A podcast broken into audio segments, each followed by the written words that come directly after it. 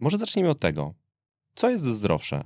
Masło czy margaryna i czym to pieczywo smarować należy? Możeś zaczął z wysokiego C. Ja tutaj muszę od razu eratę powiedzieć do kamery, bo ja wiem, że to jest potem na City Fitach puszczane, tam czasem trenuję. Także chłopaki, z którymi robię wyciskanie, żeby mnie potem nie wyrzucili z ławeczki. Chłopaki z ręką na sercu, bardzo was przepraszam za to, co teraz powiem, ale margaryna miękka jest zdrowsza niż masło. W swoim tempie. Podcast sieci fitness CityFit. Drodzy Państwo, ten odcinek e, nosi znamiona precedensu, bowiem ciepły głos mojego dzisiejszego gościa jest Wam już e, dobrze znany. Wyjątkowość sytuacji polega w dużej mierze również na tym, że była to jedyna rozmowa realizowana nie w naszym studio w Warszawie, w którym e, obecnie się znajdujemy, a we Wrocławiu, wyjazdowo, w warunkach dalekich właśnie od, od studyjnych, co owocowało tym, że rejestrowaliśmy jedynie fonie bez zapisu wideo. No i w dietetycznym środowisku zaczęto żartować bardzo szybko z Arka, mojego dzisiejszego e, gościa, że został cyfrowo wykluczony, że e, cały jego wizerunek został zamknięty do, e, do formy zdjęcia, bo do wideo zwyczajnie się nie nadaje. Dlatego dzisiaj obalamy mit. Dzisiaj podcinamy skrzydła szydercom i gumujemy ten e, ironiczny uśmiech na, e, na ich twarzach. Panie, panowie, jest ze mną po raz drugi w formie audio i w formie wideo Arek Matras. Dietetyk, ojciec chrzestny dietetyki nie na żarty, no i pogromca mitów. Serdecznie witam wszystkich i bardzo dziękuję za ciepłe przyjęcie i możliwość wystąpienia przed kamerami. Jak podoba Ci się nasze studio? studio fantastyczne. Naprawdę widzę, że jest pełen profesjonalizm. Podoba mi się, chociaż powiem szczerze, że na wyjeździe, jak byliśmy, też było bardzo profesjonalnie. Mimo, mimo klitki, w które tam nagrywaliśmy, wszystko było jak należy, ale tutaj to czuć luksus. Jest jakby luksusowe. Jak to jest jakby luksusowo, pięknie. No, e, drodzy Państwo, lepszej rekomendacji e, nie, nie nam nie trzeba. Natomiast ja też e, może podkreślę od razu, że takim kolejnym pierwiastkiem odróżniającym ten odcinek od pozostałych jest również fakt, że zamierzamy dotknąć nie jednego, nie dwóch, nie trzech, a wielu tematów, ponieważ e, dzisiaj fakty, mity i e, półprawdy w dietetyce, to co jest na językach, to co budzi kontrowersje, to o czym się mówi, to o co często też toczą się bitwy, batalie i kampanie, zarówno e, w mediach społecznościowych, w mediach tradycyjnych, jak i przy rodzinnym stole. Dlatego nie będziemy sobie robić jaj, ale o jajach zapewne porozmawiamy. Będzie czerwone mięso, pewnie będzie GMO, aspartam, masło, margaryna, a może nawet jedzenie owadów, czyli e, mocno przyprawiony, dietetyczny tygiel i arek w roli e, rebelianta, w roli sędziego, który zgodnie z wiedzą naukową wszystko sprawiedliwie osądzi e, i wyjaśni nam, z czym to się je.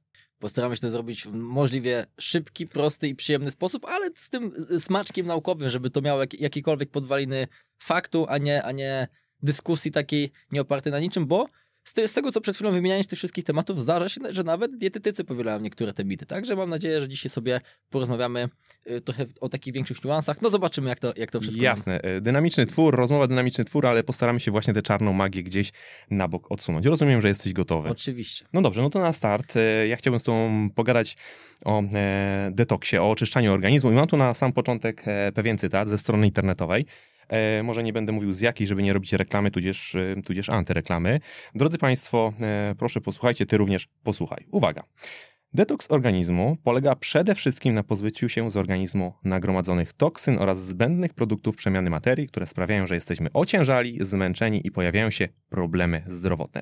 Mamy detoks sokowy, detoks jaglany. Sposobem może być również dieta owocowo-warzywna, czyli taka, która nie tylko organizm oczyszcza, ale również go wzmacnia. I tutaj prosimy o Twoją diagnozę. Który ten detoks najlepszy? E, jak często go e, stosować? Jak Ty się na to zapatrujesz? Najlepszy detoks to jest detoks o takich stron internetowych.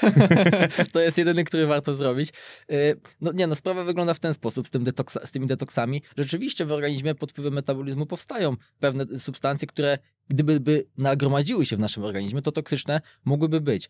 Ale dlatego my żyjemy i nie umieramy, przynajmniej nie codziennie, że y, nasze organy doskonale sobie z tą neutralizacją tych składników radzą. No i najczęściej wymieniane są właśnie y, wątroba czy nerki, które są naszymi tymi organami detoksykującymi, ale tak samo i z, przez skórę możemy te substancje widać i tak dalej. I my zdrową dietą oczywiście, no możemy się umówić, tam trochę możemy na przykład poprzez wpływ na pracę wątroby, trochę wpływać na tą, na tą poprawę tych wszystkich procesów. Bądź co bądź, to nie działa w ten sposób, że mm, kiedy my przejdziemy na detoks sokowy, będziemy pić tylko soki, to nagle, nie wiem, niektórzy mówią, że złogi z jelit jakieś uciekają, Mhm. albo że te toksyny nagle nie wiem, one są gdzieś zgromadzone w jakiejś części ciała, nie wiadomo w ogóle gdzie nawet. Te osoby nigdy o tym nie mówią, gdzie one są zlokalizowane, te toksyny. I nagle jak magiczną różdżką, nie wiem, ten sok ma je wypędzić, nie wiem, wysikać czy cokolwiek z tym zrobić. Tak to nie działa. Te detoksy sokowe są no o ile ktoś tam trzy dni na tych sokach sobie pociągnie, to oczywiście to nie jest jakiś taki, nic tam się złego nie stanie, ale też nic dobrego nam to nie przyniesie. Trzeba sobie powiedzieć jasno, że wszystkie te korzyści, które wynikają z detoksów sokowych, czyli najczęściej w sumie jakaś tam leciutka redukcja masy ciała, można osiągnąć standardowymi, yy, sprawdzonymi, bezpiecznymi metodami. W przypadku tych y, detoksów sokowych, oprócz tego, że kiedy przyciągnęlibyśmy je w czasie, no to są one bardzo niskokaloryczne, mają niedobory składników mineralnych, witamin i tak dalej, to przez tą niską podaż kaloryczną mogą powodować takie na przykład omdlenia wazowagalne, czyli że przez to, że spożywamy tak mało kalorii, no to nie wiem, gdzieś przy wstawaniu się nam zakręci w głowie, możemy się przewrócić.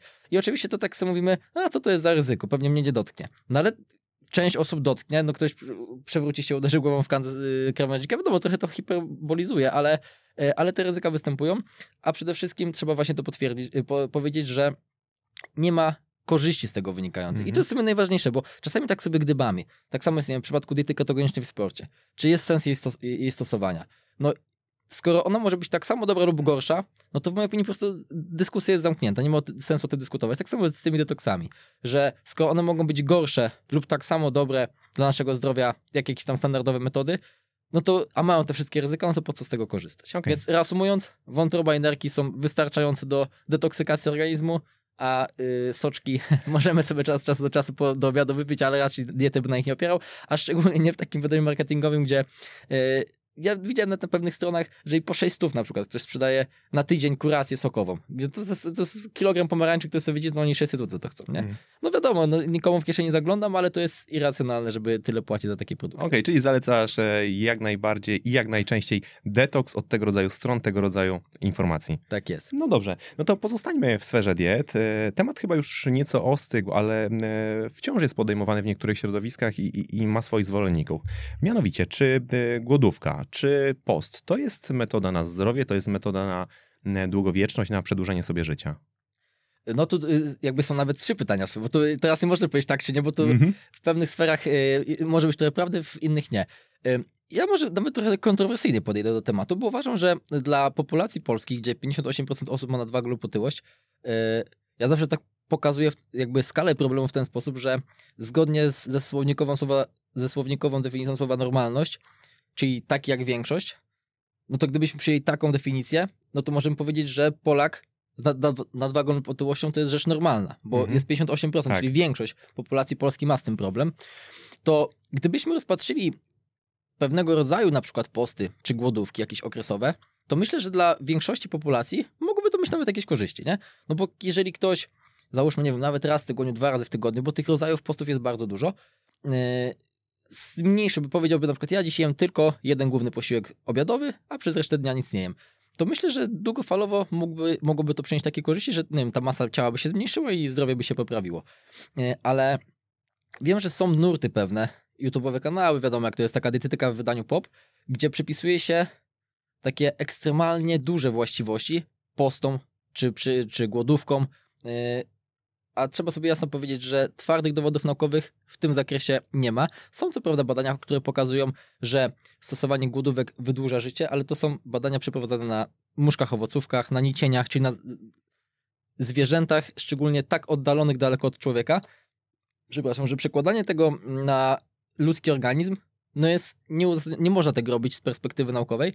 Mm, Jest jedno takie badanie kalorii się nazywa, gdzie stosowano deficyt energetyczny rzędu 25% energii przez chyba dwa lata. I rzeczywiście tam wykazano pewne korzyści pod kątem zdrowia y, metabolicznego, no ale trzeba tu znów y, po- powiedzieć tak, że to nie jest stosowanie sobie głodówki, nie wiem, tygodniowej, tylko stosowanie deficytu kalorycznego przez dwa lata. To są jakby totalnie różne rzeczy. Więc ja pozostawiam taką furtkę, że może się okazać, Mhm. e, w perspektywie, nie wiem, kilkunastu lat rzeczywiście, że takie prace wyjdą, które udowadnia, udowadniają, że na ludzki organizm też to, tak działa, że ten deficyt kaloryczny czy głodówki mogą e, wydłużać nasze życie.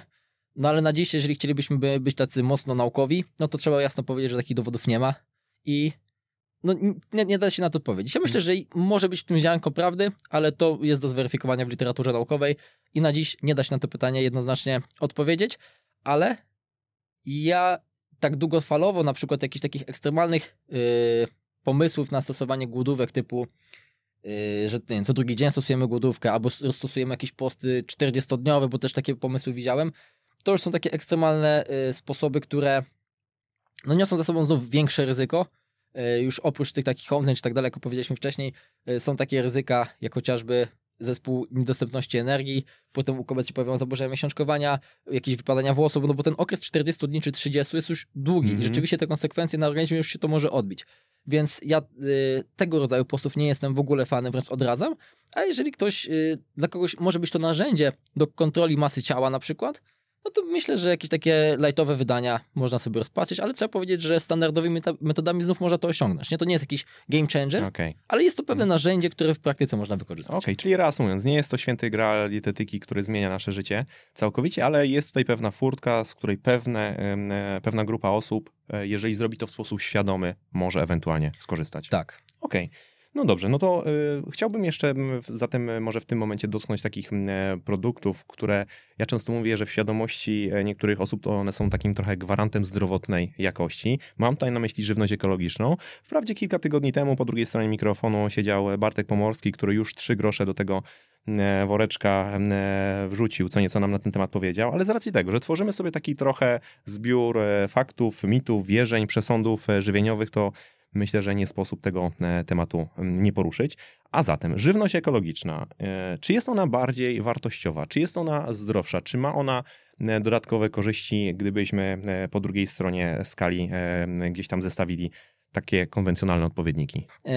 Pod kątem żywności ekologicznej to jest w ogóle uważam duży problem, że dużo osób, które zaczyna interesować się zdrowym stylem życia, trochę takie mili priorytety. I zamiast skupiać się na rzeczach, które są naprawdę istotne w dietetyce, skupia się na jakichś ciekawostkach, niuansach, typu o, czy ja mam zjeść godzinę po wstaniu śniadania, czy zrobić IF-a i zjeść od 12 śniadanie, co nie ma wpływu na nasze zdrowie długofalowo, e, albo właśnie sięga po tę żywność ekologiczną. I kiedy porównalibyśmy skład żywności ekologicznej i konwencjonalnej, to niektóre produkty mają rzeczywiście niektórych składników mineralnych i witamin trochę więcej te ekologiczne. Taki standardowy przykład jest na przykład, że w produktach mlecznych, ekologicznych jest trochę więcej jodu niż w tych konwencjonalnych. Ale to są tak niewielkie różnice, że wszystkie badania przeprowadzone do tej pory pokazują, że osoby jedzące więcej żywności ekologicznej mają takie samo zdrowie, jak osoby, które nie jedzą jej w ogóle.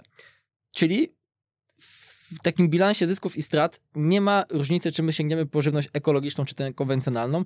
No a niestety pojawiają się takie problemy z żywnością ekologiczną, przede wszystkim, że ona jest o wiele, wiele droższa. Ja nawet starałem się dotrzeć do jakichś takich obiektywnych danych, no bo każdy z nas sobie zdaje sprawę, że banan z nalepką, nalepką bio jest droższy niż normalny. Mhm. Ale chciałem zobaczyć, o, o ile, jaka jest to różnica. E, I, i takich danych na, na rynku polskim nie znalazłem. Znalazłem takie dość stare z 2014 roku że 2,6 raza droższa była ta żywność ekologiczna, to wydaje mi się trochę przeszacowane, no bądź co bądź był to taki dość duży raport, yy, więc ta cena naprawdę może dać nam po kieszeni, szczególnie w aktualnych czasach, gdzie te ceny żywności są wysokie, yy, więc z tego powodu my wręcz odradzamy w większości naszym podopiecznym y, stosowanie żywności ekologicznej, ale jeżeli zdarza się osoba, a kilka się zdarzyło w naszej całej historii, że nie miała ograniczeń finansowych, i miała takie podejście też trochę filozoficzne do, do dietetyki -hmm. i mówi, że on chce mieć pewność, że to jest żywność ekologiczna i tak dalej, no to też mu temu nie, tego nie zakazujemy. Na 99% on nie będzie mieć żadnych korzyści z tego, że je tę żywność ekologiczną, y, ale to też nie jest tak, że ona jest mniej zdrowa. No ona jest tak samo zdrowa jak żywność konwencjonalna, tak samo bezpieczna, ale paradoks jest taki, że y, ta nazwa ekologiczna jest trochę mylna, bo kiedy my spojrzymy na y, środowisko i wpływ produkcji żywności na, na środowisko, to jego można powiedzieć na wiele obszarów. Mm-hmm. Tam i na, nie wiem, y, zużycia areałów, czyli jak dużo ziemi my zajmujemy hodowlą czy y, uprawą y, roślin, czy, czy emisji gazów cieplarnianych. No i w niektórych tych fragmentach tej, tej ochrony, przestrzeniach y, ochrony środowiska mm, ta żywność ekologiczna paradoksalnie wypada gorzej niż żywność konwencjonalna. To jest totalnym y, takim absurdem i ironią losu. No i chociażby właśnie w kontekście tych, y, tych emisji gazów cieplarnianych, przez to, że prawo jest tak skonstruowane, że żywność ekologiczną trzeba na większych przestrzeniach robić w porównaniu z tą żywnością konwencjonalną, no to ta emisja, przez to, że wycina się lasy pod i tak dalej, jest paradoksalnie wyższa niż w przypadku żywności konwencjonalnej. Mhm. No to je, jeżeli bym kogoś na ulicy spytał, to pewnie totalnie odwrotnie bym im powiedział, prawda? Jasne. Że jest ekologiczna, więc jest lepsza dla, Przyjazna dla klimatu. planety i dla klimatu. A niestety nie jest. Dobrze, to spróbujmy może odwrócić e, tę monetę, bo mówi się też, że obecnie żywność to już nie jest taka jak kiedyś. Mam wrażenie, że w ogóle to powiedzenie e, kiedyś to było, nie ogranicza się jedynie do diety, a jest takim trochę uniwersalnym sformułowaniem, które nie ma e, granic kulturowych i pada z ust wszystkich pokoleń i pewnie w przyszłości się to, e, się to nie zmieni. E, Natomiast wracając do żywności, kiedyś to było, a teraz to jest sama chemia. Lista Mm, lista E ciągnie się jak, jak wesele Wyspiańskiego i ani to smaczne, ani to zdrowe. Co ty masz do powiedzenia w tym temacie, Arku? To jest w ogóle ten temat, który mnie tak zainteresował, bo no, ja też się z tym spotykam, nie? I to Mhm. y, wśród pacjentów to jest, wszyscy prawie tak mówią. Sama A, chemia. Tak, sama chemia, to co ja mam jeść, albo w social mediach, jak my prowadzimy kanały social media, to często jak mówimy na przykład, że rzeczywiście z jakąś żywnością nie należy przeginać, a no to teraz już nie ma zdrowej żywności i tak dalej. I jak pisałem swoją książkę, Mhm, tak, mamy ją, mamy ją tutaj, drodzy Państwo, tak, po raz kolejny. tak, Jedz normalnie, osiągaj więcej. to y, zagłębiłem się w ten temat. Ja tu mam autograf. O! Y, Zagłębiłem się w ten temat, już tak mówiąc totalnie poważnie. E, Przede wszystkim obiektywnie patrząc, no to rzeczywiście na przestrzeni ostatnich kilkudziesięciu lat, 70, e, zawartość witamin, składników mineralnych niektórych znów w warzywach i owocach zmniejszyła się. Najwięcej, największą różnicę widać w zawartości żelaza i miedzi, ale to wynika prawdopodobnie z tego, że czystość próbek pobieranych w tych latach 50. do tych badań e, była mniejsza, mogło być zanieczyszczenie glebą, która ma wyższą zawartość żelaza i to było takie zanieczyszczenie, dlatego wtedy paradoksalnie myśleliśmy, że tego żelaza jest więcej w tych Czyli to wynikało z tego, że te metody badawcze były nie do końca doskonałe wtedy? Tak, Albo tak, tak. mniej doskonałe niż obecnie? Tak, i podobnie jest z miedzią, tam pod kątem środków ochrony roślin. Trudno mi to już wytłumaczyć, bo to wykracza poza moje kompetencje. Bądź co bądź yy, te środki ochrony roślin, które kiedyś się stosowały, też tam miały jakąś wyższą zawartość miedzi. Yy, teraz zmieniła się ta metoda yy, upraw tego, dlatego ta zawartość miedzi spadła. Ale te różnice, niektórych, zawartość niektórych witamin, składników mineralnych jest mniejsza, niektórych taka sama, niektórych troszeczkę większa. Yy, I naukowcy sobie dyskutują, skąd to się mogło wziąć. Jest kilka hipotez.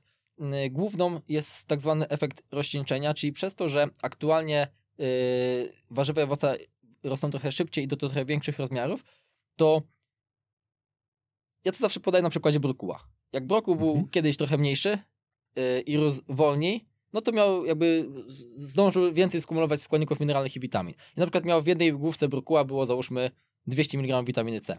Teraz ten brokuł jest trochę większy, ale też ma 200 mg witaminy C, ale jest trochę rozcieńczony, czyli jak my zjemy 100 g brokuła, to nie będzie tam załóżmy 60 mg witaminy C, tylko nie wiem, 50. Szczerze powiem, że nie wiem ile ma w roku witamin, Mhm. witaminy C, ale to, żeby pokazać różnicę.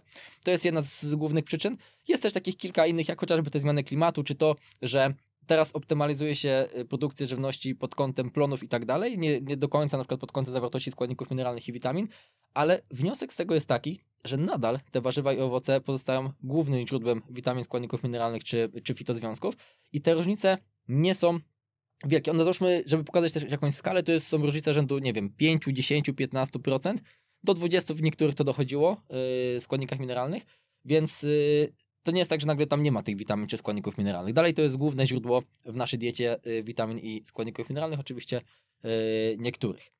A co do tego, co powiedziałeś, że kiedyś to na przykład smakowało lepiej, to znalazłem nawet opracowania naukowe, które ten temat poruszają. I one się opierają głównie o, tej, yy, o termin nostalgii. Czyli Mhm. przez to, że jak my byliśmy mali, były wakacje i mama nam zrobiła kanapki z pomidorem, my wstaliśmy, nic tym się nie przejmowaliśmy, zjedliśmy, poszliśmy na podwórko się pobawić, wracaliśmy, to to nam się przyjemnie kojarzy. Tak, chleb ze śmietaną i cukrem. Tak, a jakbyś sobie zrobił te same kanapki teraz, ale w zimny poniedziałek, gdzie musisz jechać do roboty, zrobić swoją robotę, masz stresy, masz, denerwuje się coś, to one obiektywnie smakują tak samo, ale przez otoczenie, w którym my je spożywamy, no nie mamy takich miłych wspomnień i doznań z Mhm. tym związanych. I to najzwyczajniej z tego, najzwyczajniej w świecie z tego wynika. Więc y, ta żywność smakuje prawdopodobnie tak samo, Choć no trzeba powiedzieć, że jak ktoś ma, nie wiem, swój ogródek i te pomidory rzeczywiście sobie tam dorastały gdzieś w słońcu, a teraz kupi w markecie y, zimą plastikowego pomidora, to wiadomo, smakuje to trochę inaczej. Ale yy, większość tych różnic przypisuje się właśnie tej nostalgii, którą my mamy związaną yy, z, naszym, z naszą przeszłością. Mhm. Okej, okay. no dobrze, czyli, czyli wciąż są to produkty bardzo wartościowe i, i absolutnie nie powinniśmy tego negować. Tak, tak, tak. No dobrze, no to e, kolejny składnik do naszego kotła. E, swego czasu głośno było, w mediach głośno było w internecie o badaniach na szczurach prowadzonych przez profesora Seraliniego, o badaniach dotyczących e, GMO i mam wrażenie, że to był jeden z takich substratów, taki zapalnik, który, e, zapalników, który nakręcił e, trochę spiralę strachu na, na, na żywność GMO. Później wydaje mi się, że to się stało takim trochę trendem społecznym, żeby o tej żywności GMO mówić właśnie w kategoriach zagrożeń, czasem wręcz, czasem wręcz śmiertelnych. Jak to zatem jest, drogi panie? Czy ta żywność GMO jest niebezpieczna? Należy jej unikać? To jest w ogóle problem, uważam, w no też nie chcę wykraczać poza swoją dziedzinę, ale jak tak sobie żyję, to tak myślę, że w ogóle w życiu, że my się trochę tak obawiamy rzeczy, których my nie rozumiemy. I czasami A to z pewnością. To jest tak, że ja w sumie nie wiem, jak to działa, więc trochę się tego tak lękam. I tak samo jest z żywnością y, modyfikowaną genetycznie. Jak słyszymy modyfikacja genetyczna, dużo ludzi nawet nie wie, o co w tym wszystkim chodzi i ma tak, kurde, coś tam szczepiają, potem ja to jem, to mi się dostaje do organizmu, ja tego nie chcę. Chipy jakieś w tych pomidorach latają. Y, a i przez to, że my tego nie rozumiemy, się tego obawiamy, ale no naprawdę pod kątem yy, żywności modyfikowanej genetycznie powstało tak dużo badań ze wszystkich zakresów i bezpieczeństwa i też korzyści wynikających y, z, z, tej, z tych procesów. Już nie mówiąc o tych takich słynnych yy, przykładach, jak chociażby ten złoty ryż, który był fortyfikowany w witaminę A, dzięki czemu tam ślepotę się minimalizowało, yy, to taka metaanaliza pokazuje, że plony są o wiele wyższe, tam około chyba 60% wyższe, zarobki rolników są wyższe, bezpieczeństwo tej żywności jest o wiele lepsze, ponieważ y, zawartość aflatoksyn, czyli takich tej trucizny, która rzeczywiście realnie no, może szkodzić, nie to co ta żywność y, modyfikowana, y, jest niższa, y, a jednocześnie pomidor GMO i pomidor nie GMO, one są dla nas tak samo bezpieczne, nie ma między nimi żadnych różnic i to jakkolwiek nie, mo- nie ma prawa nam zaszkodzić. I to nawet nie jest tak, że to się dyskutuje o tym w nauce, bo każda organizacja na świecie podpisuje się ręcyma i nogami, że tak powiem, mm-hmm. pod tym, że żywność modyfikowana genetycznie jest tak samo bezpieczna, jak żywność niemodyfikowana. Yy, I to i międzynarodowe, i nawet polskie, także w ogóle się tego nie ma sensu obawiać. E, szczególnie wiedząc, jakie to korzyści daje, bo to też jest ważne, nie? Że to nie jest tak, że my po prostu sobie coś wymyśliliśmy, żeby komuś tam kasę do kieszeni napychać, tylko rzeczywiście daje to realne korzyści dla całej populacji, chociażby właśnie pod kątem tego, yy, nie wiem, minimalizacji głodu na świecie, mm -hmm. Natomiast wiesz co, ja tak, e, tak mam wrażenie, że obserwuję takie zjawisko i chciałbym, żebyś, żebyś ty powiedział, jak wygląda twoja optyka w, w tym temacie. Cały czas myślę o GMO, e, że jest to też taka trochę marketingowa metoda stosowana przez producentów, którzy chętnie na opakowaniach umieszczają takie etykietki, takie informacje, że to jest żywność wolna od GMO i w ten sposób trochę nakręcają spiralę strachu, e, a może nawet powinienem powiedzieć, że wykorzystują trochę ten strach i niewiedzę jako, taki, jako taką siłę nabywczą, tak? E, mam wrażenie, że wprawdzie to nie dotyczy akurat GMO, ale mam wrażenie, że na przykład niedługo na butelkach wody mineralnej będzie napisane, że to jest woda bezglutenowa. Może tak być, ale rzeczywiście jest to. I no mówiąc tak wprost, yy, z mojej perspektywy, jakby ja to rozumiem pod kątem marketingowym. Ja to rozumiem, że po prostu to jest firma, która chce sprzedawać swoje produkty, ale to jest takie trochę paskudne, nie? Te mhm. żerowanie na niewiedzy ludzkiej. Yy, I wiem, że są nawet osoby, które jak się interesują nauką, to oni mówią, że jak widzą właśnie nalepkę, że bez GMO, to nie kupują mm -hmm. tak mhm. na przekór. Okay.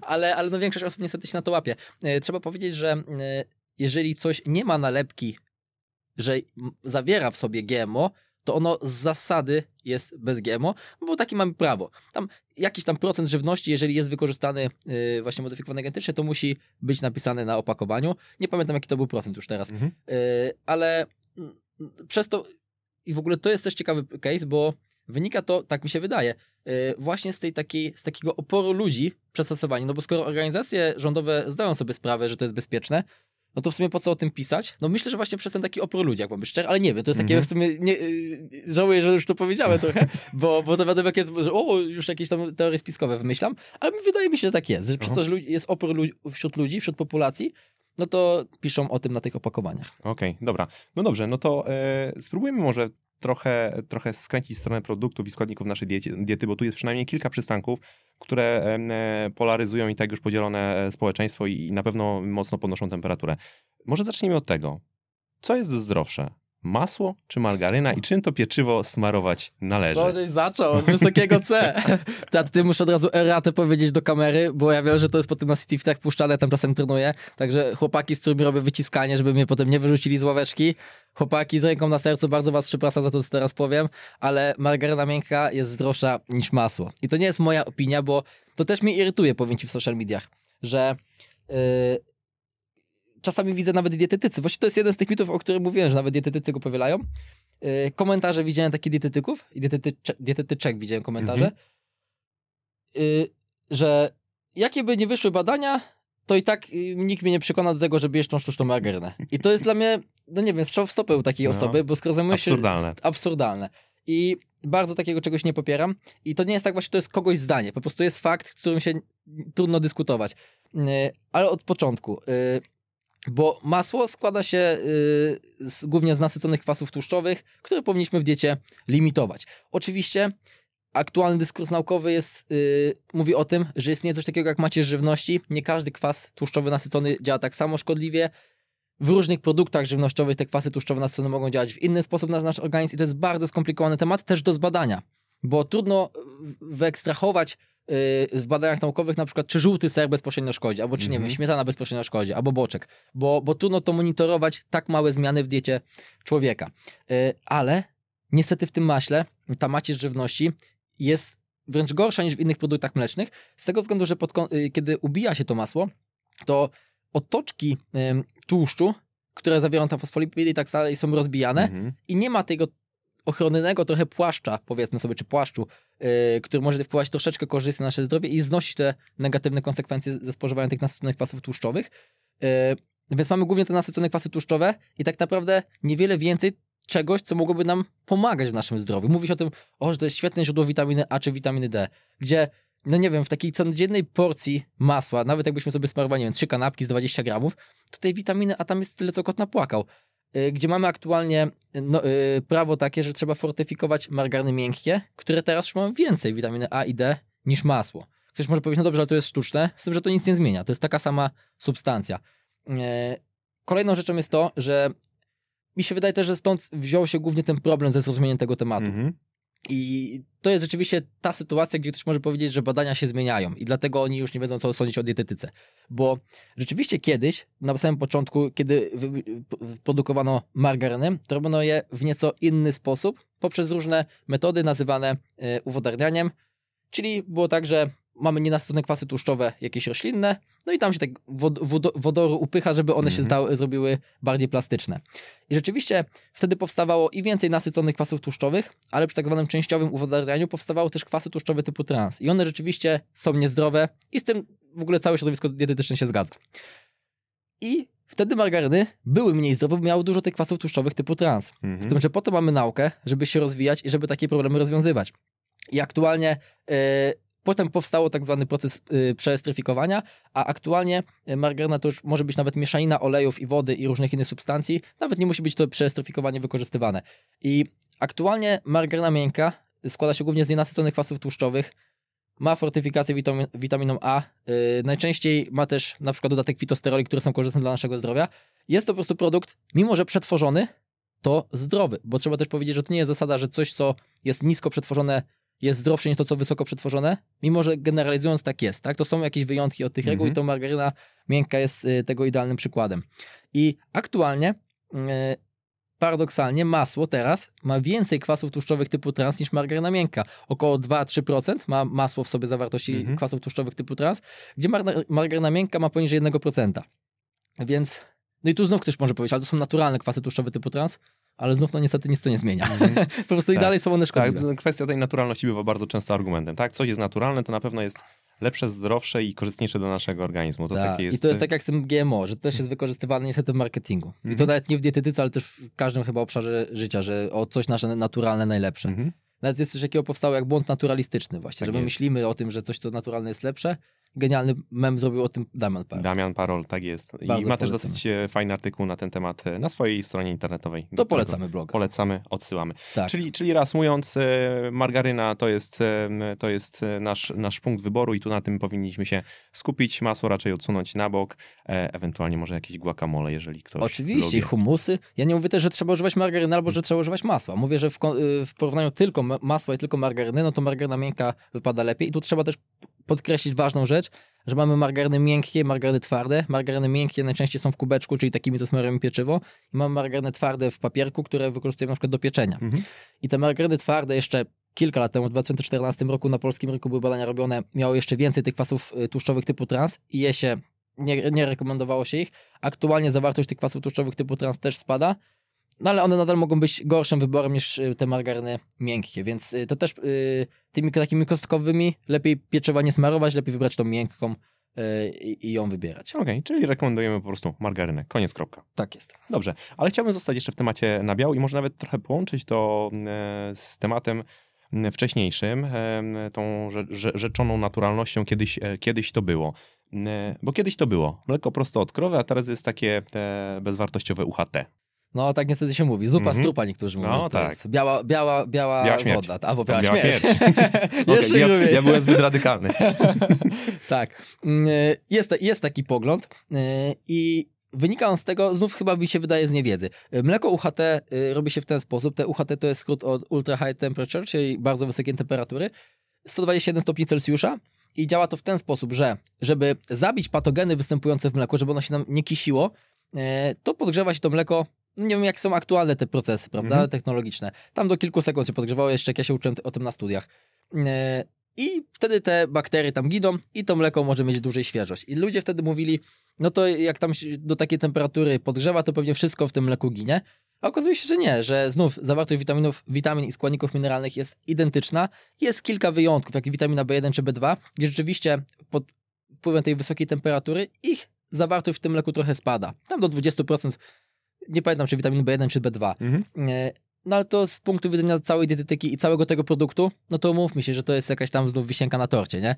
E, No, a pod kątem tego świeżego mleka były badania w Krakowie przeprowadzane, że ryzyko zakażenia się patogenami przez, jakbyśmy sobie poszli na targ i kupili sobie mleko prosto od krowy, czy nie wiem, jakieś produkty mleczne prosto od krowy, od osoby, która sobie sprzedaje jakieś tam spodlane takie rzeczy, e, a my mówimy, o ale super naturalne, zdrowe, chcę, sobie, Mhm. chcę się tym objadać, e, no to to e, ryzyko zakażenia, może tak, w około chyba 80% próbek, z tego co dobrze pamiętam, znaleziono y, te bakterie, którymi można było się potem zakażyć. Niestety nie powiem teraz dok- dokładnej nazwy tej bakterii łacińskiej, bo, bo jej nie pamiętam, ale pokazywało to ten problem, że kontrola i bezpieczeństwo tej żywności pochodzącej z lewej ręki, że tak powiem, jest bardzo niskie. A my, Mhm. Kiedyś, na ci powiem, byliśmy na szkoleniu dietetycznym i leciał kie- kiepscy lecieli przed Mhm. szkoleniem. I był odcinek, w którym e, tam właśnie wszyscy boczek i tak dalej obiadali się e, mięsem od jakichś tam rzeźnika, nie pamiętam dokładnie jak tam Aha. było, ale oni się badali, oczywiście wszyscy się pochorowali, a, a Ferdek nie chciał tego jeść, on sobie ja- jadł sklepowe, no i oczywiście najlepiej na tym wyszedł. I to niestety tak jest, że my mamy taką tendencję do tej naturalności nas ciągnie, ale trzeba powiedzieć, że bezpieczeństwo, jak nie wiem, dziadek robi nam y, polędwicę wędzoną y, gdzieś na ogródku w jakiejś zardzewiałej, wiesz, wę, wędzarce, Z dzika. z dzika na przykład, to, to szansa, że tam coś się popsuje, albo że jakieś procesy nie zostaną zoptymalizowane i dojdzie do, nie wiem, namnożenia się jakichś patogenów jest o wiele, wiele, wiele większe Mhm. niż w przypadku potężnych firm, które to wszystko muszą kontrolować. Czyli e, można powiedzieć bardzo prosto, że UHT to są nasze, na, dla nas pasy bezpieczeństwa. Dokładnie tak, Żywności. to jest super, super alegoria. Okej, no dobra, bo wiesz co, właściwie tak, e, tak powiedziałem, e, padła na, na początku ta, ta zupa z trupa i sobie tak uświadomiłem, że chyba e, dosyć mocno zanurkowaliśmy e, w to mleko, dosyć głęboko, a chyba powinniśmy w ogóle zacząć od tego, co jest na powierzchni, czyli tego fundamentalnego pytania, czy mleko krowie, no bo to o tym w tym momencie e, rozmawiamy, jest w ogóle dla ludzi, bo tutaj są też takie dwa obozy i to są takie trochę dwa pociągi jadące w zupełnie przeciwnych kierunkach. Właśnie z jednej strony pij mleko, będziesz wielki, z drugiej strony pij mleko, e, będziesz kaleką i tutaj pytanie do ciebie, kto ma rację, gdzie leży prawda, a, a gdzie zaczyna się e, czarna magia? Prawda najczęściej po środku nie leży, tylko tam, gdzie, leży tam, gdzie leży, yy, ale w przypadku tego, tych dwóch skrajnych sytuacji, o których powiedziałeś, poglądów, rzeczywiście ona leży trochę po środku, nie? Bo, bo produkty mleczne są wartościowymi produktami odżywczo, One mają i wapń, i tam witamin z grupy B, e, bakterie probotyczne mogą być fermentowane produkty mleczne. I w ogóle myślę, że warto rozdzielić produkty mleczne, czyli mleko, na przykład twaróg, serek wiejski, od fermentowanych produktów mlecznych, czyli kefiru, załóżmy, czy jogurtu naturalnego, bo kefir i jogurt naturalny naprawdę są o wiele bardziej odżywcze i o wiele bardziej lepiej na, nasz, na nasze zdrowie wpływają. Produkty mleczne, takie jak mleko, czy twaróg, czy nie wiem, żółty ser, yy, mają właśnie dużo tego wapnia, yy, ale jak się już tak mocniej zagłębi w badania naukowe, to obserwuje się raczej taki neutralny wpływ tych produktów na nasze zdrowie. Nawet ciekawe jest to, że pod kątem ryzyka złamań kości e, te dowody nie są spójne i to jest bardzo ciekawe, Ci, z perspektywy, bo yy, rzeczywiście wiemy, że spożycie wapnia zwiększa gęstość mineralną kości. Gęstość mineralna kości jest powiązana e, z mniejszym ryzykiem złamań, ale spożycie produktów mlecznych, czyli A powoduje B, B powoduje C, ale A nie powoduje C. Rozumiesz, mm -hmm. co chodzi? I to jest takie... Yy, jest kilka hipotez, które o tym mówią, dlaczego tak może być. Między innymi jedną jest to, że e, właśnie jak jest pij mleko, będziesz wielki. Przez to, że te spożycie produktów mlecznych w okresie młodzieńczym jest powiązane z wyższym, e, wyższą wysokością ciała. E, a wyższą, wyższa wysokość ciała powiązana jest z wyższym ryzykiem upadków, przez to też wyższym ryzykiem złamań. Mhm. I to są takie już daleko idące hipotezy, które starają się wytłumaczyć te zależności, ale rzeczywiście pod kątem złamań aktualny stan wiedzy jest taki, że produkty mleczne są raczej neutralne, e, co mnie zawsze zaskakiwało, powiem Ci szczerze. Więc produkty mleczne mogą być w diecie, są wartościowe, jako właśnie źródło tego wapnia, bo to wapń też nie wpływa tylko na, na kości, prawda? Tylko na wiele e, innych procesów. E, I najczęściej warto je spożywać. Jeżeli nie spożywamy produktów mlecznych, to trzeba uzupełniać ten wapń innymi źródłami. Ale jest to produkt bardzo bezpieczny. W diecie warto go umieścić, jeżeli już umieszczacie, to my też najczęściej w naszych dietach naszych podopiecznych rekomendujemy właśnie te fermentowane produkty mleczne, e, no bo one przez ten dodatek bakterii probiotycznych mogą lepiej wpływać na nasze zdrowie i te ryzyka innych różnych chorób zmniejszają w większym stopniu niż te niefermentowane produkty mleczne. Okej, okay, no dobrze, no, czyli mleko zostało e, podsumowane, a nawet trochę rozszerzone to zostało o inne produkty. produkty Żeby nie było, mam kawkę z mlekiem. O, o zobaczcie. proszę uprzejmie. Tak, i to jest mleko z laktozą. tak jest, Sam robiłem. się. Słuchacie podcastu sieci fitness CityFit. No to chciałbym przejść jeszcze do e, produktów, które często na naszych stołach e, lądują i często lądują, e, przynajmniej w niektórych środowiskach, w ilościach dosyć słusznych. Mianowicie te kurze jajko, bo to jest najzdrowsze, najlepsze, najbardziej naturalne i to jeść trzeba. I trochę ty swego czasu sadziłeś kij w mrowisko.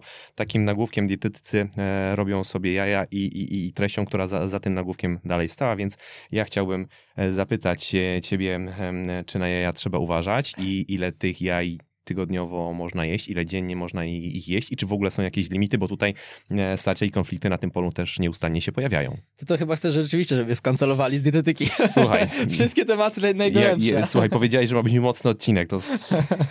no dobra, no to lecimy Mówisz z, tym, masz. z tymi jajami. Bo to też jest taki problem, że produkty, które ludzie lubią i do których są przyzwyczajeni, jak się je y, debunkuje, że tak powiedz, powiedzmy, no to potem ty jesteś ten najgorszy, no bo dlaczego mi mówisz, że coś co tak. jest złe. A słuchaj, kulturyści to tam po 10, po 15 dziennie potrafią no. więc oni teraz cię bardzo będą uważnie słuchać. Co ty masz Dobra, do powiedzenia? To chłopaki z siłowni City Nie, y, tak poważnie, to jaja są, to jest podobnie jak z tym mlekiem, tylko że jaja znów są bardzo odżywcze. To w ogóle jest... Yy, też ciekawe, że tam dwa, trzy jaja, jakbyśmy spożyli, to naprawdę dostarczamy duż, dużego, duży odsetek zapotrzebowania na wszystkie składniki mineralne i witaminy dostarczamy, bo one są naprawdę bardzo gęste odżywczo. Y, ale to jest takie bardzo niejednorodny produkt, że ma właśnie i produkty, i substancje bardzo zdrowe, jak na przykład te fosfolipidy, jakieś składniki mineralne, witaminy, ale z drugiej strony ma cholesterol, czy ma na przykład cholinę, która może być zamieniana później do y, N-tlenku trimetolaminy w, przez naszą mikrobiotę, które są powiązane z gorszym zdrowiem. Czyli spolaryzowane jak polskie społeczeństwo. To, trochę tak. okay. trochę tak. Mm, I badania obserwacyjne y, pod kątem spożycia jaj, czyli jak sobie patrzymy na całe społeczeństwo, to pokazują, że osoby, które jedzą więcej jajek, z reguły mają albo troszeczkę większe ryzyko chorób cywilizacyjnych, albo mają tak, takie samo ryzyko chorób cywilizacyjnych. Czyli można powiedzieć, że jaja są takim produktem, które działają neutralnie lub troszkę niekorzystne na nasze zdrowie. Nie ma prac, które pokazują, że jaja na przykład poprawiają nasze zdrowie metaboliczne pod kątem mówię o tych głównych jednostkach chorobowych, nie? Nie mówię o jakichś tam takich niszowych, bo rzeczywiście pewnie się zdarzyć, że pod kątem wzroku gdzieś tam mogą mm -hmm. działać, ale pod kątem, nie wiem, chorób serca czy cukrzycy typu drugiego, na które umiera większość y, osób w naszym kraju, około 400%, to, e, to działa neutralnie lub lekko e, niekorzystnie. I sprawa też wygląda w ten sposób, że musimy się jeszcze głębiej w to zanurzyć, bo istnieje coś takiego, że różni ludzie w różny sposób reagują na spożycie cholesterolu wraz z dietą. To jeszcze trzeba zrobić krok w tył i powiedzieć sobie, kurde, trochę musimy Dobrze, dobrze, dobrze, dobrze, kontynuuj. że cholesterol we krwi, stężenie cholesterolu we krwi, czy stężenie frakcji lipoproteiny LDL, bo ona jest kluczowa, e, to jest to co, totalnie coś innego niż spożycie cholesterolu z dietą. Spożycie cholesterolu z dietą znów w niewielkim stopniu może podnosić stężenie tego głównego cholesterolu we krwi. Ale jest część populacji, około 25% populacji, tak zwanych y, hiperrespondersów, czyli osoby, które w mocniejszy sposób reagują, gorzej reagują na spożycie cholesterolu wraz z dietą. I u nich spożycie cholesterolu może mocniej podbijać stężenie Mhm. tej lipoproteiny LDL, która jest bezpośrednio powiązana z ryzykiem incydentów sercowo-naczyniowych. Czyli może odbić się większym echem po prostu. Tak, może nie, niekorzystnie działać na nasze zdrowie. Więc dla populacji ogólnej są takie, to jest takie arbitralna, u- y, umowna y, granica, żeby spożywać około tych 7 jajek w tygodniu. I to nie jest tak, że ktoś powie, no dobrze, jak zjem 8, to umrę. Tylko jakąś tą normę muszą nam z góry zarekomendować. My sobie to trochę nawet rozgraniczamy i idzie, idziemy dalej. I u osób na przykład aktywnych fizycznie, czy osób, które są na diecie wegetariańskiej, mało cholesterolu z dietą y, spożywają, to mamy taką normę, że nawet do tych 12-10 jajek y, w tygodniu sobie możemy wrzucić. Czy właśnie u osób aktywnych fizycznie, kulturystów, którzy bardzo na przykład te jajka lubią, no to umówmy się, jak oni jedzą 14 jajek, ale ogólnie diety mają zdrową, ruszają się, to nic tam się im nie stanie. Oni czasem 14 dziennie jedzą. Jest, tak jest, to, to trochę idę w takie, wiesz. tak, dobra, no, ale nie, nie, chodźmy, nie idźmy w skrajności, Tak, dobrze, nie nie idźmy w w skrajności. Y, Ale y, badania te obserwacyjne pokazują, że te 7 jaj w tygodniu jest takim optimum i to jest takie bardzo bezpieczne, bo jeżeli ktoś jest takim, tak jak mówisz, ekstremalnym przypadkiem y, i je te 14 dziennie, no to raczej, raczej to się odbije negatywnie na jego zdrowiu. Mhm. Ale jak to jest te 8, 9 czy właśnie 6, 5, to jest w takim bardzo bezpiecznym pułapie, dlatego też te rekomendacje takie są. To nie jest jakiś taki pułap, powyżej którego nagle umieramy wszyscy, tylko jakiś taki zdrowy zarys zdrowej diety. Dlatego mm, u większości osób my staramy się nie przekraczać tych 7 sztuk w tygodniu. No z tym, że to mówię, jeżeli ktoś lubi, to jest. Bo dietetyka to, z dietetyką jest taki problem, że jed, jeden produkt nie spowoduje, że my będziemy bardzo Mhm. zdrowi albo bardzo niezdrowi. I to jest element po prostu naszej diety. To tak samo jest z przetworzonym mięsem, że ono jest niezdrowe, ale my na przykład w dietach naszych podopiecznych dajemy wędlinę z kurczaka, bo jest praktyczna i oni lu- lubią na kanapkę sobie położyć. I to właśnie indywidualne podejście dlatego jest tak korzystne, że bierze pod uwagę inne czynniki. Czyli to jest wielosubstratowe, wiele składników wpływa na, na, na finalny efekt, no i nie można tego tak wycinkowo postrzegać. Tak jest, więc to nie jest tak, że jak my będziemy jeść więcej tych jajek, to nagle wszyscy umrzemy, ale też mówienie, że one są cudownym składnikiem, bo dostarczają tych wszystkich składników mineralnych i to jest główna, y, powinno być źródło pożywienia, bo takie głosy też słyszałem, no to po prostu nieprawda. No trzeba sobie po prostu jasno powiedzieć, że to jest nieprawda, bo nasze zdrowie nie będzie, nasze serce nie będzie zdrowsze, jak będziemy jeść więcej jajek na przykład, Okej. nie? Może być tak samo zdrowe, albo trochę mniej zdrowe. Okej, no dobra. A co zatem, em, em, bo skoro jaja zostały już e, tutaj wypunktowane, zarówno plusy, jak i minusy, e, co zatem e, z rybami? Czy to jest prawda, że to jest taki agregat rtęci, metali ciężkich i dioksyn, a w ogóle ryby hodowlane, mam teraz oczywiście na myśli te hodowle e, słodkowodne, to w ogóle nie powinny zagrzewać miejsca na naszym stole, bo one są złe, one są bezwartościowe, one są, e, one są szkodliwe. No, ten temat też jest trochę bardziej skomplikowany, bo rzeczywiście ta rtęć... no Dlatego właśnie ciebie zaprosiliśmy do samych skomplikowanych tematów, bo ty pięknie właśnie tutaj, e, wiesz, rozkładasz na czynniki pierwsze w zrozumiały sposób. te ryby rzeczywiście mają w sobie metale ciężkie, mają dioksyny, polichlorowane bifenyle, czyli te wszystkie y, zanieczyszczenia pochodzące z mórz na przykład. Z tym, że dietetyka często przypomina matematykę. Jest tak, że m- my możemy na przykład spożyć trochę rtęci, są pewne bezpieczne limity ustawione. Jak my jesteśmy poniżej tego limitu, to nam się w życiu nic nie zmienia. My sobie możemy je- jeść trochę tej rtęci i nam się nic nie stanie. Będziemy mieć znów tak samo dobre zdrowie, jak ktoś, to w ogóle tej rtęci nie je.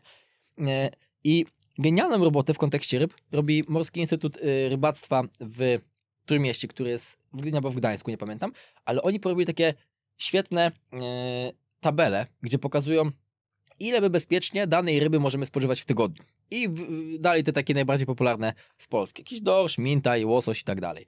E, I jedynym problematyczną rybą e, na tamtym, na tamtej, w tamtej tabeli był łosoś bałtycki. To trzeba podkreślić, że jest to łosoś bałtycki, a nie Mhm. ten taki, który my sobie możemy kupić w dyskoncie. I tego, no pewnie jak ktoś ma wujka z koło brzegu, który jest rybakiem, to pewnie sobie tego łososia bałtyckiego czasami je. E, Ale rzeczywiście przez to, że Bałtyk jest zanieczyszczony, to stężenie zanieczyszczeń w tym łososiu jest bardzo wysokie i bezpiecznie możemy zjeść go około 75 gramów tygodniowo, czyli bardzo mało. A później już będziemy przekraczać te normy, o których mówiłem. W przypadku innych ryb, to te wartości są tak niskie tych zanieczyszczeń, że możemy zjeść i 10 kg tej ryby w tygodniu i nam się nic nie stanie. Takiego mintaja czy dorsza y, możemy zjeść bardzo, bardzo dużo.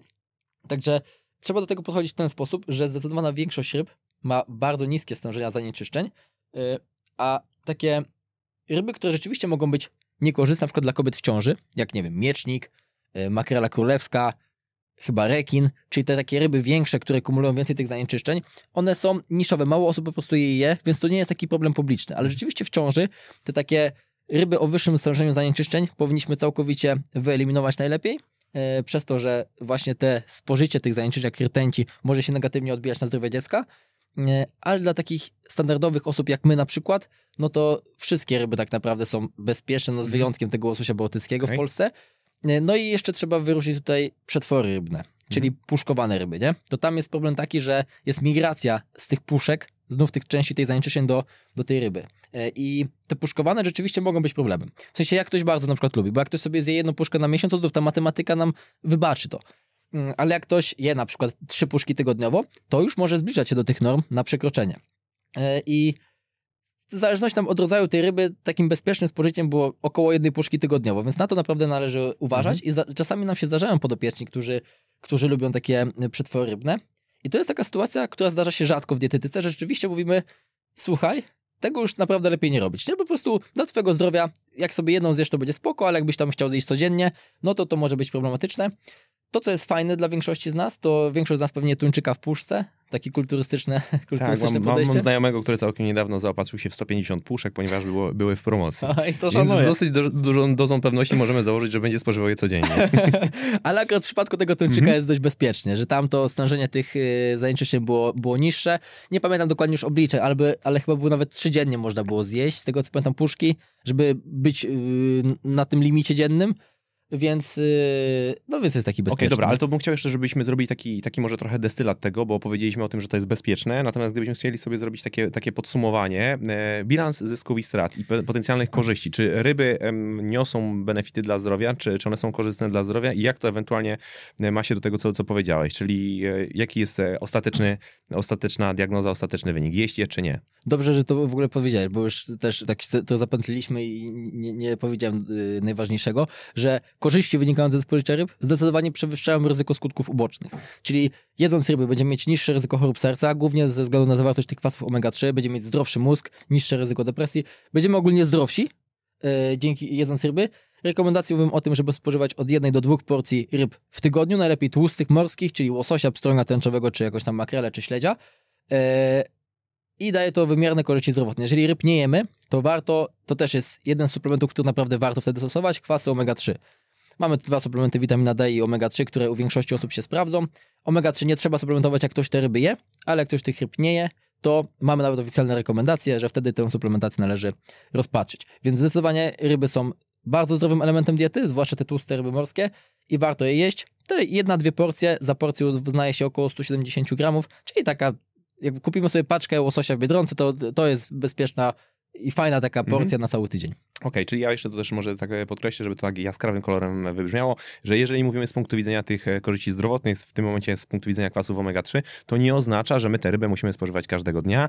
E, Wystarczy nam jedna, dwie porcje w tygodniu. I Tak jest, sprawa, że tak powiem, zapieczętowana, zapakowana, załatwiona. Tak, to się kumuluje w To organizmie. się kumuluje, okej. Dobra, no to e, pójdźmy dalej, bo ja mam tutaj cytat, który e, e, zakorzenił się niektórym mocno pod skórą. Uwaga.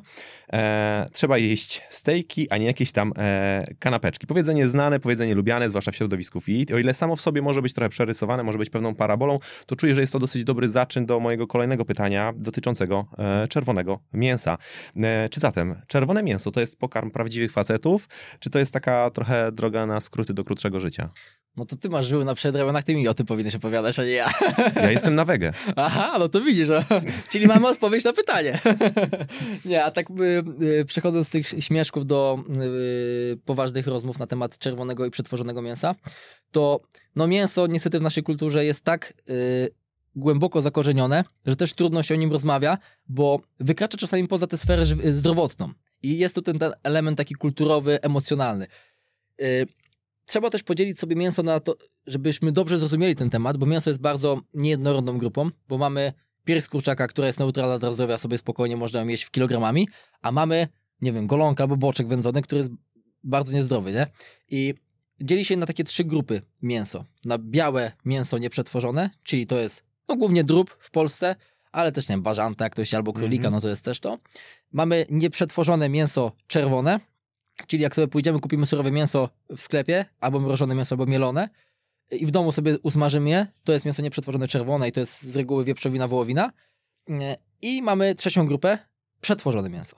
Tu się bierze pod uwagę białe i czerwone i to jest mięso poddane procesom, które wydłużają czas przydatności do spożycia. Czyli jak kupimy sobie parówki, które są, czy nie wiem, jakieś wędzone, wędzone mięso, Czy kiełbasę. czy kiełbasę na przykład, czy nie wiem, konserwy, yy, czy parówka, kiełbasa, konserwa, kaszanka, jakieś gotowe burgery, to wszystko jest mięsem przetworzonym.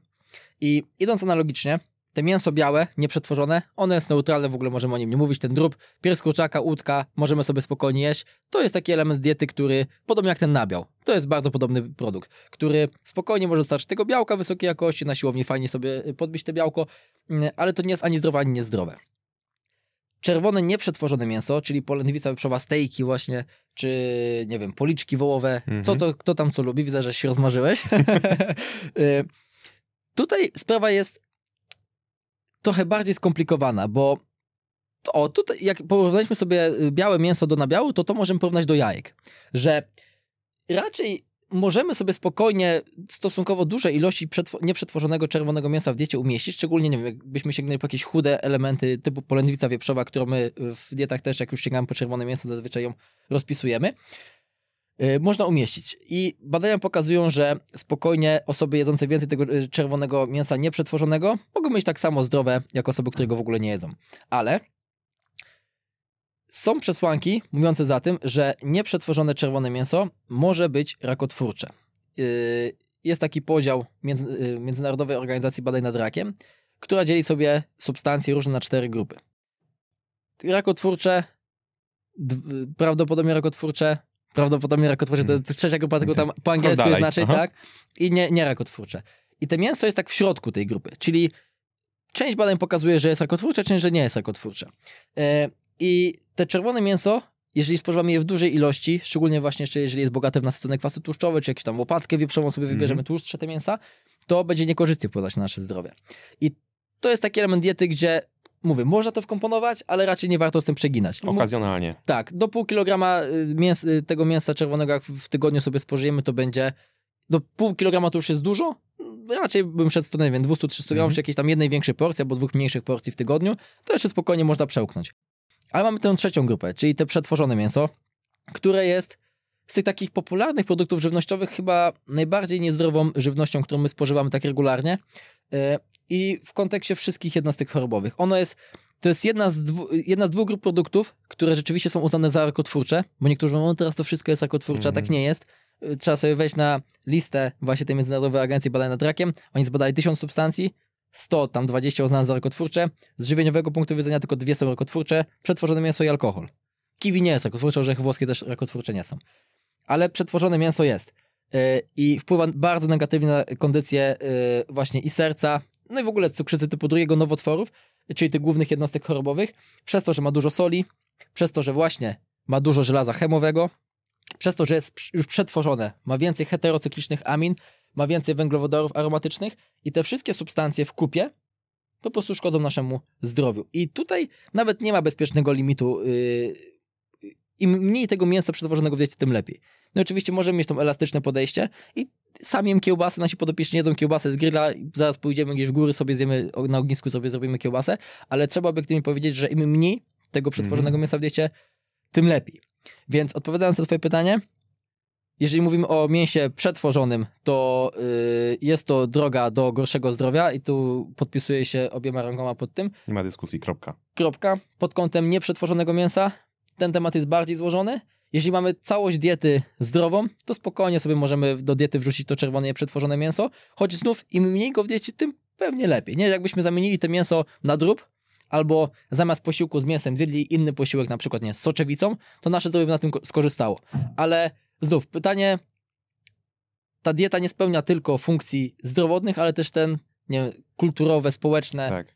y, o zdrowie psychiczne nam dba i tak dalej. Więc E, Czasami, jeżeli ktoś bardzo lubi, to sobie spokojnie to w diecie można umieścić. Mhm. Okej, no dobra, no to, to mamy to fajnie podsumowane, Wie, wiemy e, e, o, kategoriach, wiemy e, jak należałoby się na nie zapatrywać.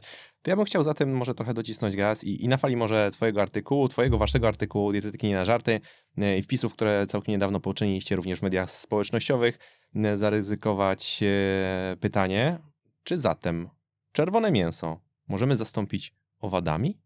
E, Oczekaj, oczekaj. To może od razu, bo widzę twój uśmiech od razu. Teraz ty się tak podekscytowałeś, jak ja na tego, na, na, na tego steka.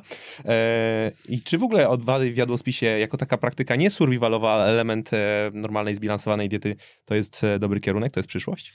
Znaczy, y, to powiem tak, aktualnie jeszcze nigdy w życiu nie rozpisaliśmy żadnemu podopiecznemu owadów w żadnym posiłku, bo jest po prostu trudno dostępne i bardzo drogie, raczej w ramach ciekawostki się to spożywa. Można sobie, nie wiem, za dwie dychy kupić jakąś malutką paczuszkę, no i wiesz, jest bajera na imprezie, o masz, masz chipsa, owada. Ale to jeszcze od razu ci powiem przerwę, zanim zaczniesz, bo nie będę ci chciał wtedy e, jakoś bardzo mocno wchodzić słowo. E, Nie wiem, czy wiesz, na przykład e, karma dla zwierząt jest teraz robiona na bazie owadów, chociaż mój pies, od razu mówię, niekoniecznie jest e, łasy na nią. Stejkowy jest taki. Trochę chyba tak. Na siłkę chodzi, to wiesz. Dużo biega. Dużo biega. Yy, Rzeczywiście yy, te owady, o to jest w ogóle też dobry przykład yy, takiego emocjonalnego podchodzenia do, żywie, do żywienia. Ja chciałem od razu może tutaj po, podkreślę, że ja nie chcę, ja nie chcę wykraczać poza sferę dietetyczną i tego, jak te owady wpływają na nasze zdrowie, bo to jest z mojej perspektywy istotne, ja się też na tym znam, mogę się o tym wypowiedzieć, bo kiedy my poruszamy ten temat spożywania owadów, pojawia się mnóstwo komentarzy politycznych, że wiesz, to chcą nami sterować, zakazywać nam i tak dalej. Chcę się od tego odciąć, bo mnie to nie, znaczy nie interesuje. Nie chcę wypowiadać swoich poglądów na ten temat.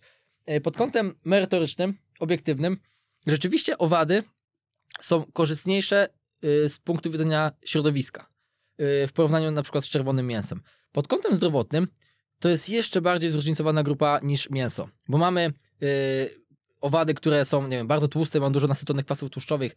To były na przykład larwy jakieś tam. Kurczę, teraz nie pamiętam tych nazw, bo one są Mhm. łacińskie, też są trudne do Okej. zapamiętania, a to też nie jest tak, co, na co dzień się z tym pracuje, prawda? sądzę, że większość osób i tak tej nazwy łacińskiej e, Tak. m, naszych Jak słuchaczy kogoś to bardzo interesuje, niewiele, niewiele by to mówiło. tak, kogoś bardzo to interesuje, to napisałem taki artykuł u nas na stronie, można sobie wpisać owady, dietetyka i na żart, tam jest dokładna taka analiza tego wszystkiego. E, I mamy na przykład też bardzo takie owady, które mają dużo składników mineralnych, są niskotłuszczowe, mają więcej białka i ogółem jest tak, że upatruje się właśnie tej zawartości białka w owadach, bo tego, e, tego białka y, jest bardzo podobna zawartość co w mięsie, czyli w tych surowych owadach jest tam około 20-25%, kiedy się je wysuszy, no to ta zawartość naturalnie rośnie Mm, i to jest białko dobrej jakości. Ono może, działa, może być tak samo dobrej jakości jak mięso, chyba że mamy jakieś tam pancerzyki w owadach i tak dalej, one może trochę, mogą trochę utrudniać y, strawność tego białka, tym samym powodując mniejszą To wchłanialność. jest to wersja crunchy, tak? to dobre, no. Kracz, Dobra. Do jogurtu. Mm, I tak, no. Y, I głównie się upatruje korzyści właśnie w tym białku, szczególnie gdzieś w krajach rozwijających się, y, że dodatek takich owadów, gdzie nie stać jeszcze tych krajów na, na spożywanie mięsa, może być korzystne z perspektywy y, takiej globalnej. Mm, Więc pod kątem zdrowotnym można to porównać do mięsa, czyli to nie jest coś, co jest bardzo zdrowe.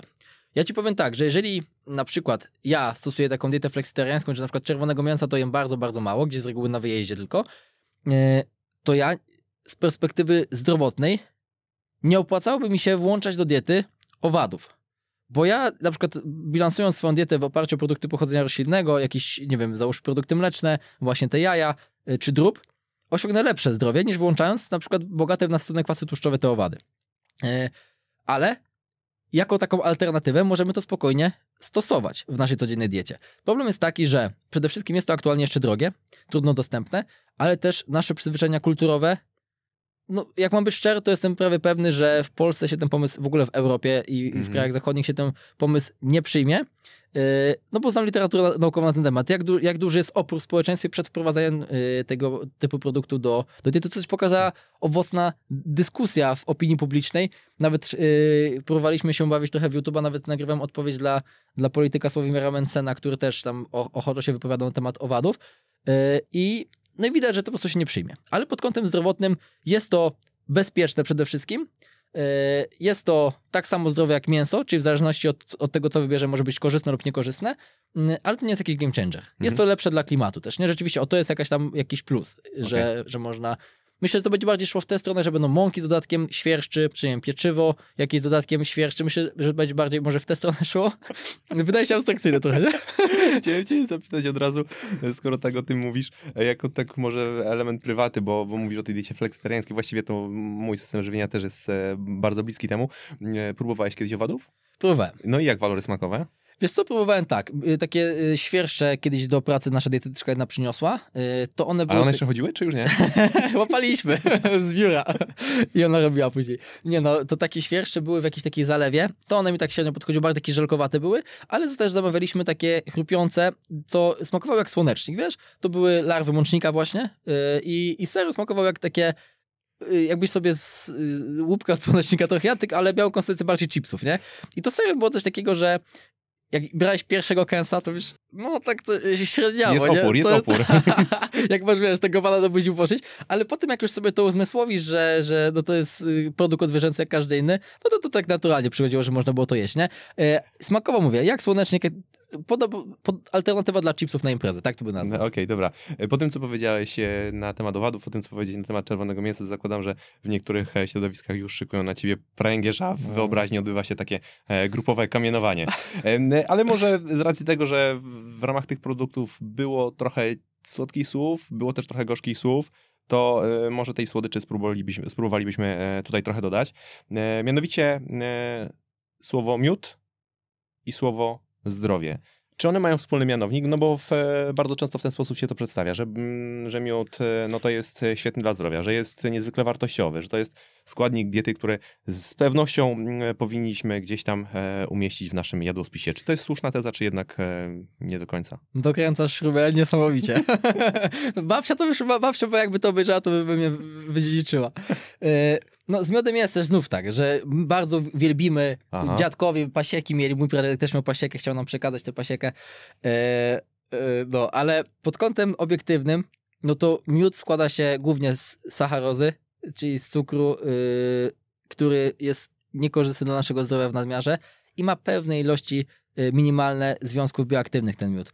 I kiedy my spożywamy sobie znów w populacji, gdzie 58% osób ma nadwagę lub otyłość, kiedy my wynosimy pod niebiosa ten miód i ludzie go dodają, zwiększając tym samym kaloryczność swojej diety, gdzie sytość tego miodu jest żadna prawie, prawda? Bo jak sobie Mhm. do herbaty dodamy, wypijemy, to nie będziemy po tym syci, a kalorie spożyjemy. A łyżka trochę waży, jak się A łyżka, tak na... I to jest w ogóle też taki Mm. problem, że y, łyżka miodu jest bardziej kaloryczna niż łyżka cukru, no bo waży więcej, a z reguły jak ktoś sobie słodzi tę łyżeczką, no to daje łyżeczkę miodu, czy tam łyżeczkę cukru, dla niego to nie jest różnica.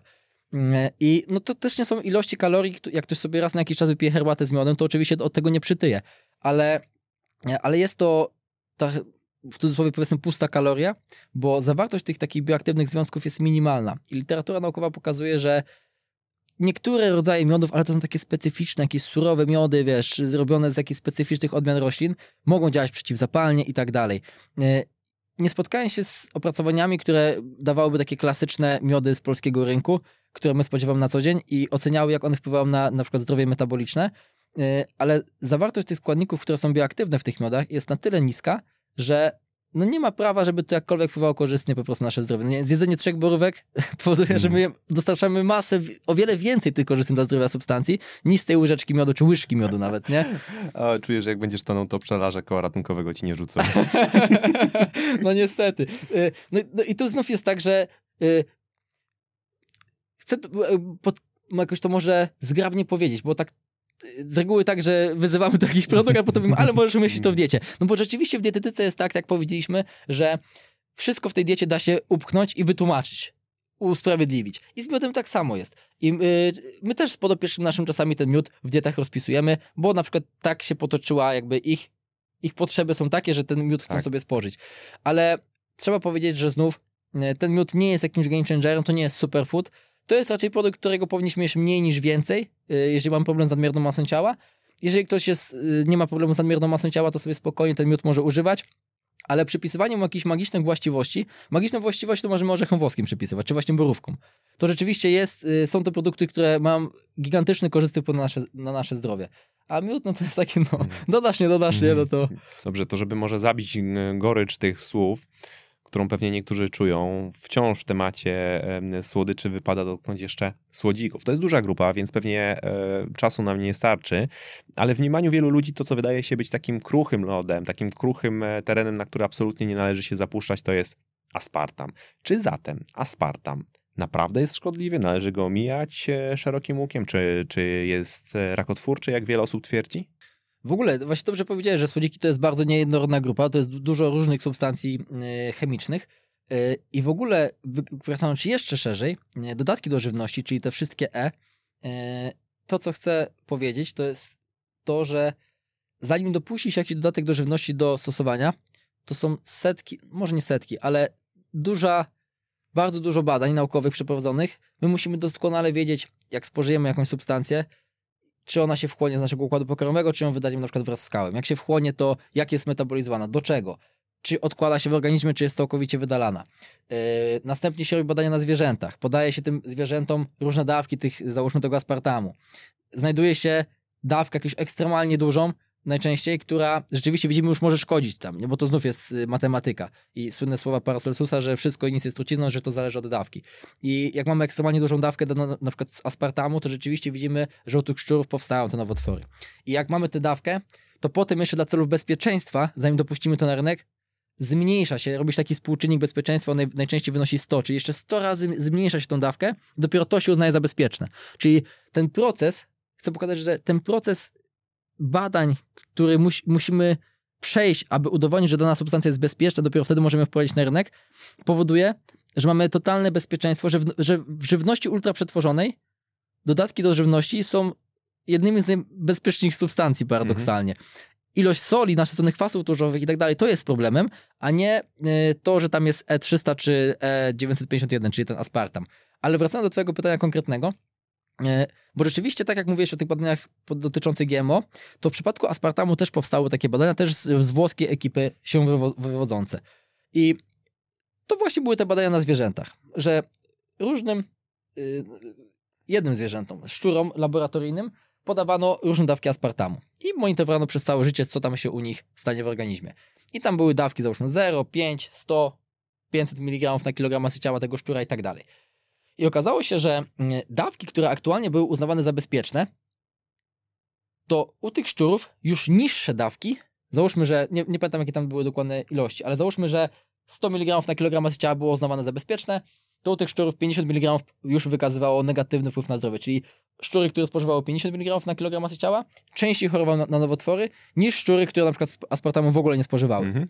No i oni mówią, eureka, za pokazaliśmy, że EFSA, czyli Europejski Urząd do Spraw Bezpieczeństwa Żywności się myli. Nasze badania udowadniają, że niższe dawki aspartamu też są szkodliwe. No i te badanie rzeczywiście zrobiło poruszenie. I mądre głowy tych organizacji typu WHO czy EFSA e, analizowały pod kątem metodologicznym to badanie. No i nie, liczba niedociągnięć metodologicznych w tym badaniu jest tak duża, że skreśla to badanie pod kątem obiektywności, pod kątem rzetelności. I z drugiej strony w nauce jest też tak, że liczy się ogół dowodów. I pod kątem tego aspartamu to jest też taki słynny przypadek. W raporcie EFSA, czyli tej Europejskiej Komisji, yy, znajdziemy ponad 600 publikacji dowodzących, że ten aspartam jest bezpieczny, gdzie w kontrze mamy jakieś pojedyncze, jak to włoskie właśnie pod mhm. kątem nowotworów, czy tam kilka, nie wiem, jakichś bóla głowy. To są takie niszowe prace, najczęściej z uchybkami metodologicznymi, które pokazują, że aspartam szkodzi. No ale właśnie kiedy czasopisma to podchwycą, yy, opinia publiczna to podchwyci, to to jest wypychane na piedestał, to pojedyncze badanie. No i kiedy nie złapiemy takiego big picture, kiedy nie będziemy mieć takiego kontekstu, to rzeczywiście możemy uznawać, no dobrze, widzimy badania naukowe, które udowadnia, że aspartam jest szkodliwy, no ale nie widzimy tych innych 599, które pokazuje, że jest Aha. bezpieczny. Więc y, aspartam, to w ogóle też jest paradoks. Aspartam jest chyba jednym z bezpieczniejszych słodzików, które sobie możemy wyobrazić, bo on jest metabolizowany już w jelicie cienkim do substancji, które spożywamy na co dzień, y, czyli aminokwasów i minimalnych ilości metanolu.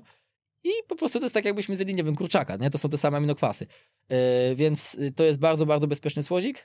I my rekomendujemy głównie, jeżeli już jakikolwiek sztuczny słodzik rekomendujemy podopiecznym, to głównie aspartam. Okej, okay, dobra, to ja mam takie pytanie, po którym może e, możesz oczekiwać palenia na stosie, ale tak mi to teraz się e, w głowie ułożyło. Gdybyśmy chcieli spojrzeć szeroko e, i mieli tutaj pryzmat zdrowia, to jest e, główny, główna perspektywa, prze, przez którą e, to oceniamy. Co byś rekomendował bardziej?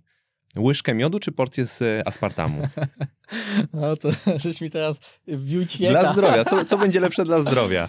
Oj, jak mam być szczery, to znów, biorąc dla populacji polskiej, która znów pod, podkreślę to, 58% osób ma nadwagę lub otyłość, rekomendowałbym sztuczne słodziki w myśl rekomendacji Polskiego Towarzystwa Leczenia Otyłości, które rekomenduje zamianę cukrów y, w diecie na y, substancje bezkaloryczne. Więc poleciłbym aspartam zamiast miodu, jeżeli mowa o, o wszystkich Polakach i Polkach. Mhm. Jeżeli mowa o osobach zdrowych, aktywnych fizycznie, spokojnie sobie ten miód. Wtedy powiedziałbym, że nie ma różnicy, jak mam być szczery. Okej. Może być miód, a może być aspartam, ale u większości polecimy w sztuczny słodzik. Ale jak ktoś to ogląda i, i nie siedzi na co dzień dietetyce, to wiesz, co sobie myśli. Właśnie, właśnie, właśnie jestem ciekaw, na ile e, rewolucyjne dla niektórych ludzi e, były słowa, które padły dzisiaj e, z twoich ust I, i jestem ciekaw, jak ty to oceniasz? Że myślisz, że po tej rozmowie, po tym podcaście e, przybędzie ci więcej zwolenników, czy więcej wrogów? No właśnie to jest trochę, ja nie wiem dlaczego takie rzeczy robię, ale jak mam być szczery, to niestety myślę, że więcej osób nas nie lubi, bo no to są takie tezy, które czasami właśnie trafiają do ludzi bardziej e, tak też e, emocjonalnie. Są Mhm. czasami niektóre osoby związane z niektórymi produktami żywnościowymi. No ale myślę, że jako dietetycy, skoro już zajmujemy się tym y, i naukowo, i zawodowo, no to powinniśmy przekazywać wiedzę niezależnie od, od uczuć y, i powinniśmy mówić fakty, a nie, a nie starać się wpasować w to, co ktoś chce usłyszeć. Więc staramy się robić to w sposób taki obiektywny. Dzisiaj było dużo śmiechu, wiadomo, Mhm. ale, ale w sposób taki y, rzetelny. I nawet jeżeli coś wydaje się na pierwszy rzut oka nielogiczne na przykład, albo na chłopski rozum to jest bez sensu, no to niestety nauka czasami tak pokazuje, że coś, co na chłopski rozum jest bez sensu, jest po prostu prawdą. I no dzisiaj też takie tematy, tematy wręcz naprawdę takie kontrowersyjne, że e, nagrywając w social mediach zdaję sobie sprawę, że dużo ludzi może się z tym nie zgadzać i, i może sobie myśleć, o przyszedł i, i się wymądrze, jak Mm, mówi jakieś mm. banialuki, nie? No trudno, trudno z tym dyskutować, no z- mówię, my staramy się opierać na literaturze naukowej i, i na każdą tezę, którą dzisiaj powiedziałem, mógłbym tę literaturę naukową przedstawić i, i te zdanie, myślę, obronić. Yy, kropka. Okej, ale ja jestem e, pewien, że ty dobrze pływasz, masz bardzo grubą skórę, dlatego nie, nie miałem tutaj obaw przed e, wrzuceniem ciebie na, na, na taką głęboką wodę. Jeszcze powiem to, co już kiedyś tutaj powiedziałem, że kiedy wszyscy kłamią, oczywiście to słowo kłamstwo w tym momencie e, traktujemy jako, jako pewną parabolę. Kiedy wszyscy kłamią, mówienie prawdy to nie jest wyraz buntu, to rewolucja. Ale czuję, że, czuję, że znajdą się tacy, którzy po, e, po jaskrawe epitety na twój temat będą chętnie sięgać, a może nawet jakąś e, klątwę spróbują rzucić, ale wierzę też, że znajdą się ludzie, którzy nieco dzięki twoim słowom e, przewartościują, trochę przemeblują swoje spojrzenie na to, co jest faktem, co jest mitem, a co e, dietetyczną e, półprawdą. Pozwolisz mi jeszcze wejdę słowo, powiedzieć takie fajne zdanie. I ja ostatnio przeczytałem podobne też fajne zdanie, takie z głębszym sensem, że na każde skomplikowane pytanie jest odpowiedź jasna, prosta i błędna.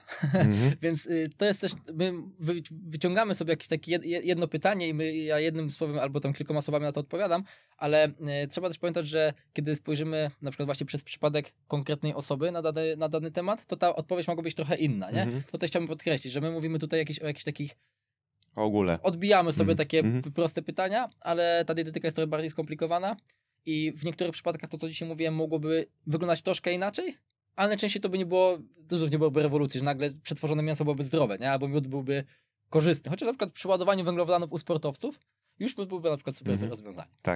No Okej, no dobrze. E, to był nasz e, taki dietetyczny tygiel tematów kontrowersyjnych, ale też tematów e, bardzo ważnych i, i tematów e, myślę, że bardzo potrzebnych. A w tę podróż zabrał nas Arkadiusz Matras. Po raz drugi w tym podcaście, po raz pierwszy w formie e, wideo. Bardzo Ci dziękuję, to była ogromna przyjemność. Ja również bardzo dziękuję i bardzo dziękuję słuchaczom. Mówię, chłopaki z siłowni ze Cityfita, nie wyklinijcie mnie. Oczywiście odsyłamy na, na, na profil Dietetyki Nie na Żarty, e, na Facebooka, na stronę internetową, na Instagram. Działacie prężnie i, i te mity sukcesywnie każdego dnia obalacie. tak zapraszamy serdecznie.